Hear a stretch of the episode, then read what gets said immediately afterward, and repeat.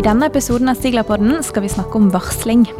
Vi skal snakke om eh, hvilke forhold det kan varsles om, hvordan man bør gå frem hvis man skal varsle, og hvordan man som arbeidsgiver skal håndtere et mottatt varsel. Og med meg i dag har jeg Jon Erik Aasheim, senioradvokat i Stiglar. Velkommen, Jon. Tusen takk for det. Du, Først og fremst, hva er varsling? Varsling i arbeidslivet det er at en arbeidstaker sier fra om kritikkverdige forhold på egen arbeidsplass. Med kritikkverdige forhold så mener man eh, f.eks. brudd på lover og regler, brudd på skriftlige etiske retningslinjer i virksomheten, eller brudd på etiske normer som det er brei tilslutning om i samfunnet. For å gjøre det mer forståelig, så eh, kan det f.eks. være når det er fare for liv og helse, eller man har et uforsvarlig arbeidsmiljø, osv.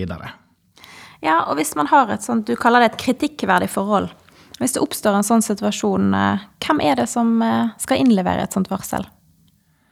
Ja, alle arbeidstakere har rett til å varsle om kritikkverdige forhold på egen arbeidsplass. Og det gjelder også innleide arbeidstakere. Men det er jo ikke bare en eh, rett til å varsle. I noen tilfeller så kan man også ha plikt til å varsle. Og det kan være i de tilfellene hvor f.eks. en kollega blir diskriminert eller trakassert, eller hvis det er forhold på arbeidsplassen som kan medføre fare for liv og helse. Da har man som arbeidstaker også plikt til å varsle om disse forholdene. Og det der med å eh, varsle altså man, man, kan jo av og til tenke at det er å eh, klage eller å kritisere, men eh, varsling det kan jo også være noe positivt for virksomheten. Det er jo en mulighet for ledelsen til å bli kjent med forhold som, hvor det er behov for forbedring. Sånn at det er jo like mye en informasjon til, til de om hva slags forhold som skal utbedres, rett og slett. Men er det din erfaring at, at denne plikten plikten som du sier, som påhviler arbeidstakerne til å varsle, det er noe arbeidstakere sånn generelt er bevisste på? At man har en sånn plikt? Altså, jeg tror nok at dette er noe som ligger litt i magefølelsen hos folk. Hvis at man eh, kjenner at noe er galt ved arbeidsplassen, så tror jeg nok at eh, veldig mange eh, føler det på seg. Og så er ikke det sikkert at man alltid er så bevisst på at dette er noe vi må ta opp. Det kan være vanskelig å ta opp, som vi skal komme tilbake til. Men jeg tror nok at folk ofte kjenner det på magefølelsen hvis at det er noe som ikke stemmer ved arbeidsplassen. Men det er forskjell på å kjenne det og på å faktisk ta tak i det, og så da særlig gjennom dette varslingsinstituttet. Ja, for Er det på vegne av seg selv da man varsler, eller kan det like godt være på vegne av andre? Nei, altså eh, Det er jo det som er kjernen i varslingsreglene. Det er at eh, varslingsreglene det skal gjelde forhold på arbeidsplassen. Sånn at man må skille mellom forhold som bare gjelder seg sjøl, og også, også, forhold som gjelder arbeidsplassen generelt. Det har jo litt med rammene for varslingsregelverket. Man har jo en del eh, regler som som eh, skal følges i forhold til framgangsmåte, i forhold til hvordan det skal eh, følges opp, og konsekvensene av det. Så Derfor er det veldig viktig å eh, skille mellom de forholdene som skal følge varslingsregelverket, og de forholdene som gjerne skal følge andre fremgangsmåter etter arbeidsmiljøloven. Så at man sier ofte at man skiller mellom rene personalsaker, det som bare angår en sjøl, hvis man har konkret misnøye f.eks. med lønn eller andre arbeidsforhold, så er ikke det noe som går inn under varslingsregelverket. Så man har da et klart skille mellom eh, hvilke forhold som faller innenfor og utenfor det man etter arbeidsmiljøloven kaller et varsel. Absolutt. Og det er jo pga. de virkningene av å varsle og det sporet, de formreglene som man har. Sånn at eh, hvis at man eh, kjenner på eh, at det er noe som, eh, som, skurrer, så ta det gjerne opp med nærmeste leder, og så er det da lederen som må vurdere om dette her er noe som går inn under varslingsregelverket, eller om det skal løses på en annen måte. Ja, for det kan man jo kanskje ikke forvente at hver enkelt arbeidstaker er så, eller har et bevisst forhold til, da, hva som er et varsel, og hva som er generell misnøye, eller? Eh? Nei, det kan du si. Eh, det er vanskelig. Men alle arbeidsplasser som har minst fem ansatte, de skal ha rutiner for varsling. Og eh, alle arbeidstakere bør jo sette seg inn i den rutinen, slik at de kan følge det varslingsregelverket hvis at de har et forhold de ønsker å ta opp. Ikke sant? Og så kan man jo be da, eh, om eh, bistand internt hvis at man har en representant for arbeidsgiver, en tillitsvalgt eller ikke. Så kan man gjerne diskutere den saken først da, for å avklare er dette et forhold som går under varslingsregelverket, eller er dette noe som jeg bør ta opp på en annen måte.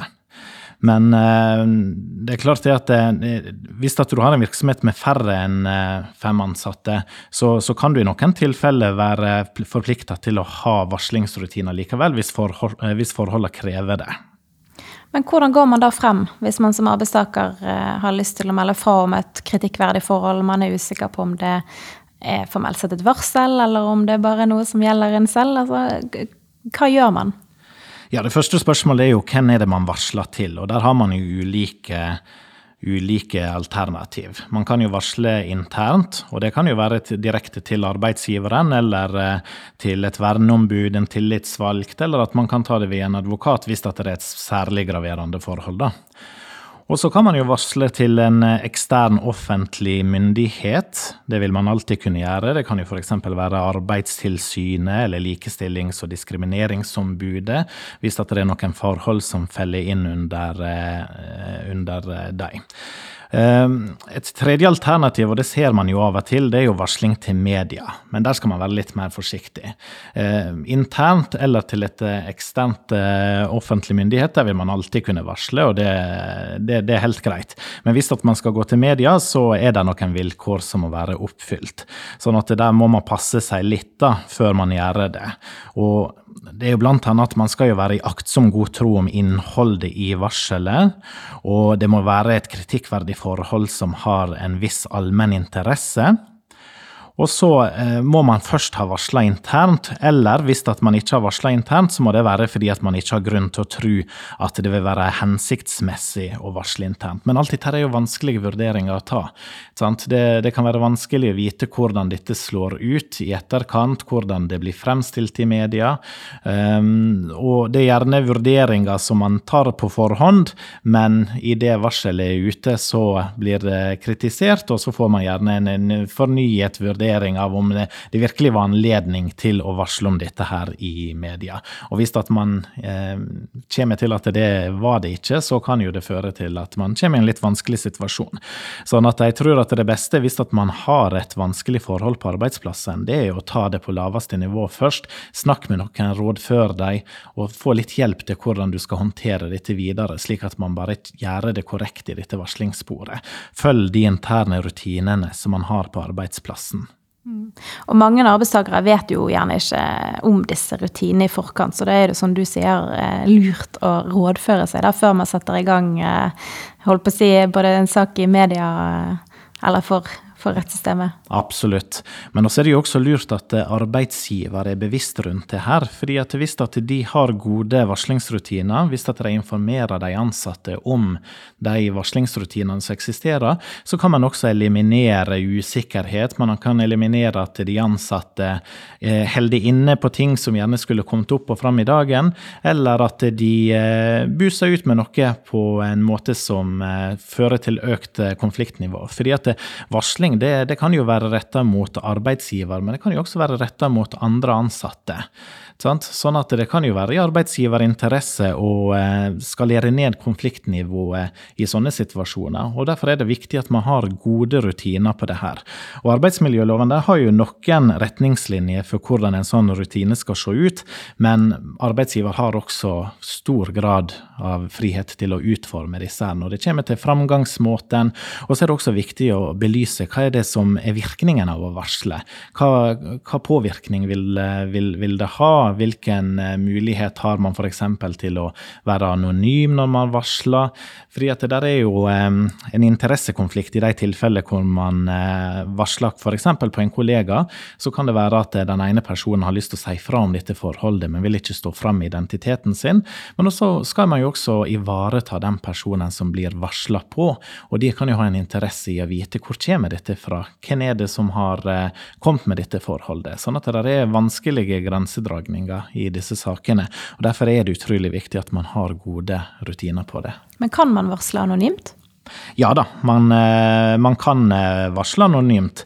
Og eh, arbeidsgiver har ikke plikt til å tilrettelegge for anonym varsling, men mange arbeidsplasser velger likevel å gjøre det, sånn at de er sikre på at de fanger opp riktige og viktige varsler.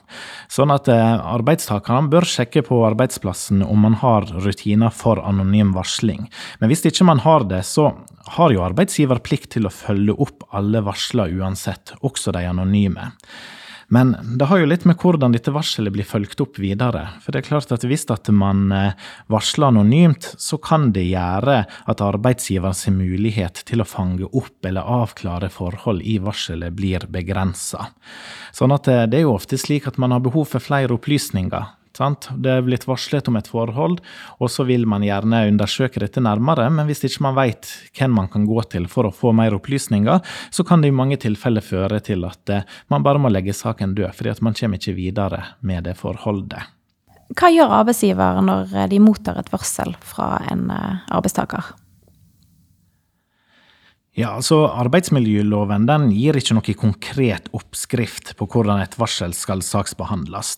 Sånn at eh, Man har jo føringer, men eh, igjen så blir det jo litt opp til arbeidsgiver å etablere rutiner for det.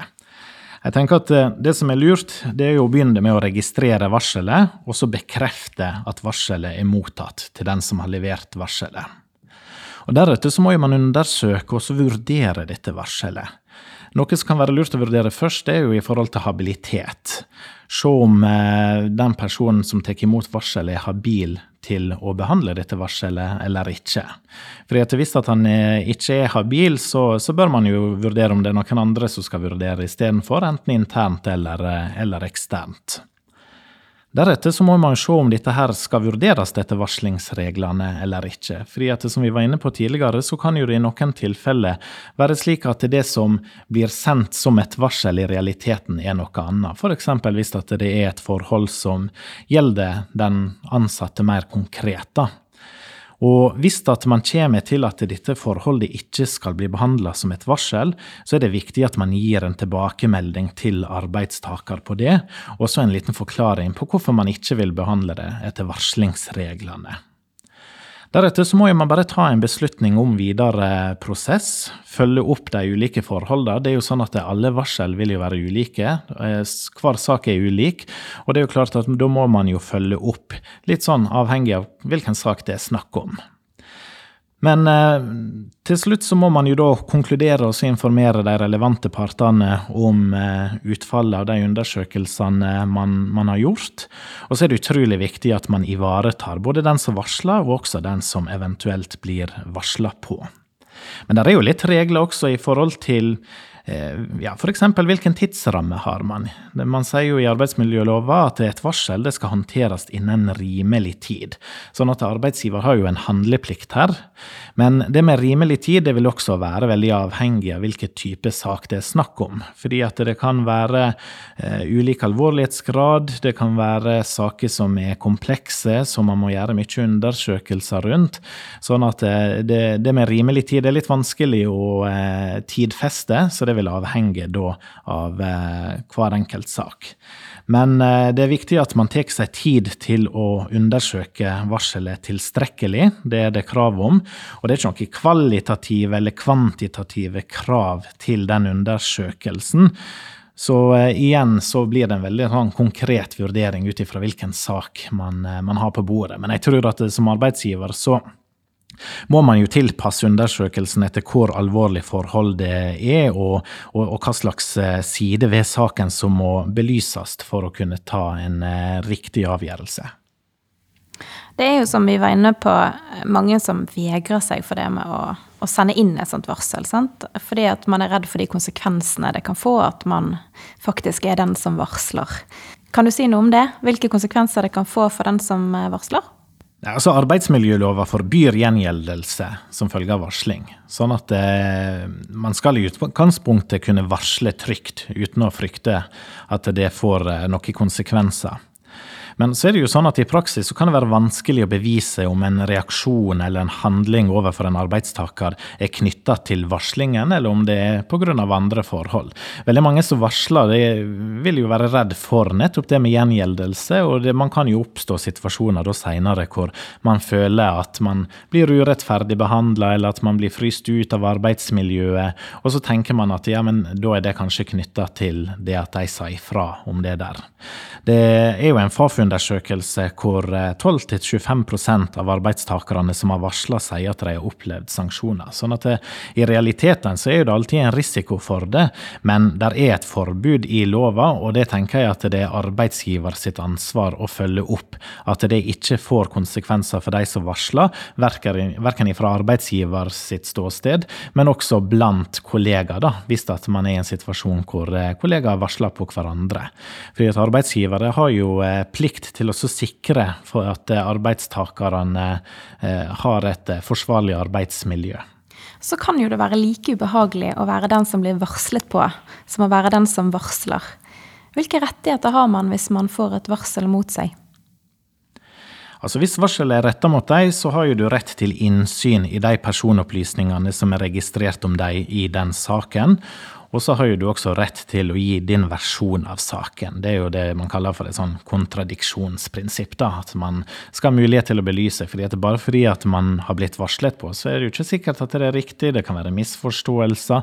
Det kan være andre forhold som gjør at, at det det har varslet om, kanskje ikke er reelt. ikke sant? Så det er jo veldig viktig at den som blir varsla på, får muligheten til å uttale seg om det. Men så er det jo hensyn som eh, står litt imot hverandre. Eh, arbeidsgiver har jo en konfidensialitetsplikt. Altså eh, noen tilfeller plikt til å holde identiteten til den som varsler, skjult. Det er ikke det samme som å varsle anonymt. Å varsle anonymt er at arbeidsgiver heller ikke vet hvem du er, men i noen tilfeller så eh, vet arbeidsgiver hvem som har varsla, men har plikt til å ikke dele det videre. Sånn at eh, den som blir varsla på, har rett til, til, innsyn, men så må man foreta en avveining da, mot eh, de konfidensialitetsforpliktelsene som, som, arbeidsgiver har. Og dette dilemmaet det kan jo løses ved at arbeidsgiveren lager et notat som beskriver innholdet i varselet, og det kritikkverdige forholdet som er retta imot deg, slik at du får i hvert fall den tilstrekkelige informasjonen om forholdet sånn at du kan forsvare deg mot de påstandene som eh, eventuelt har kommet. da. Det virker jo å være en del fallgruver en eh, arbeidsgiver kan eh, møte på her hvis man mottar et sånt varsel.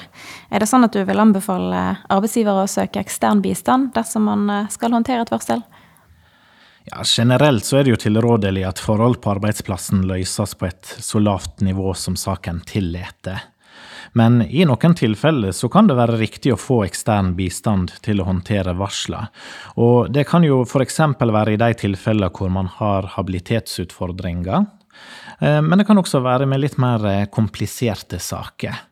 Og jeg tror at i eh, store saker med høyt konfliktnivå, så kan det være lurt å få noen utenforstående som kan gå inn og vurdere de faktiske forholdene, og også foreta en del av de vurderingene som eh, skal foretas. Men også tror jeg òg at det kan være lurt for arbeidsgiver å benytte ekstern bistand, eh, rett og slett for å lage gode rutiner. Fordi at Hvis man har gode rutiner som passer for den aktuelle virksomheten, så tror jeg at man kan eliminere mange av de fallgruvene som man står overfor. Og Der kan vi i arbeidsrettsavdelingen i Stigler bistå virksomhetene som måtte ha behov for det. Så å være i forkant, altså, det kan lønne seg? Det vil alltid lønne seg. Flott, Jon. Tusen takk til deg. Og takk til deg som lyttet til Stiglerpodden. Er du interessert i mer informasjon, eller ønsker du å motta våre nyhetsartikler? Ta gjerne kontakt med oss, eller meld deg på vårt nyhetsbrev. Dette gjør du ved å klikke deg inn på våre hjemmesider stigla.no. Der finner du påmeldingsskjema nederst på siden. Klikk deg inn på stigla.no, og ta kontakt med oss.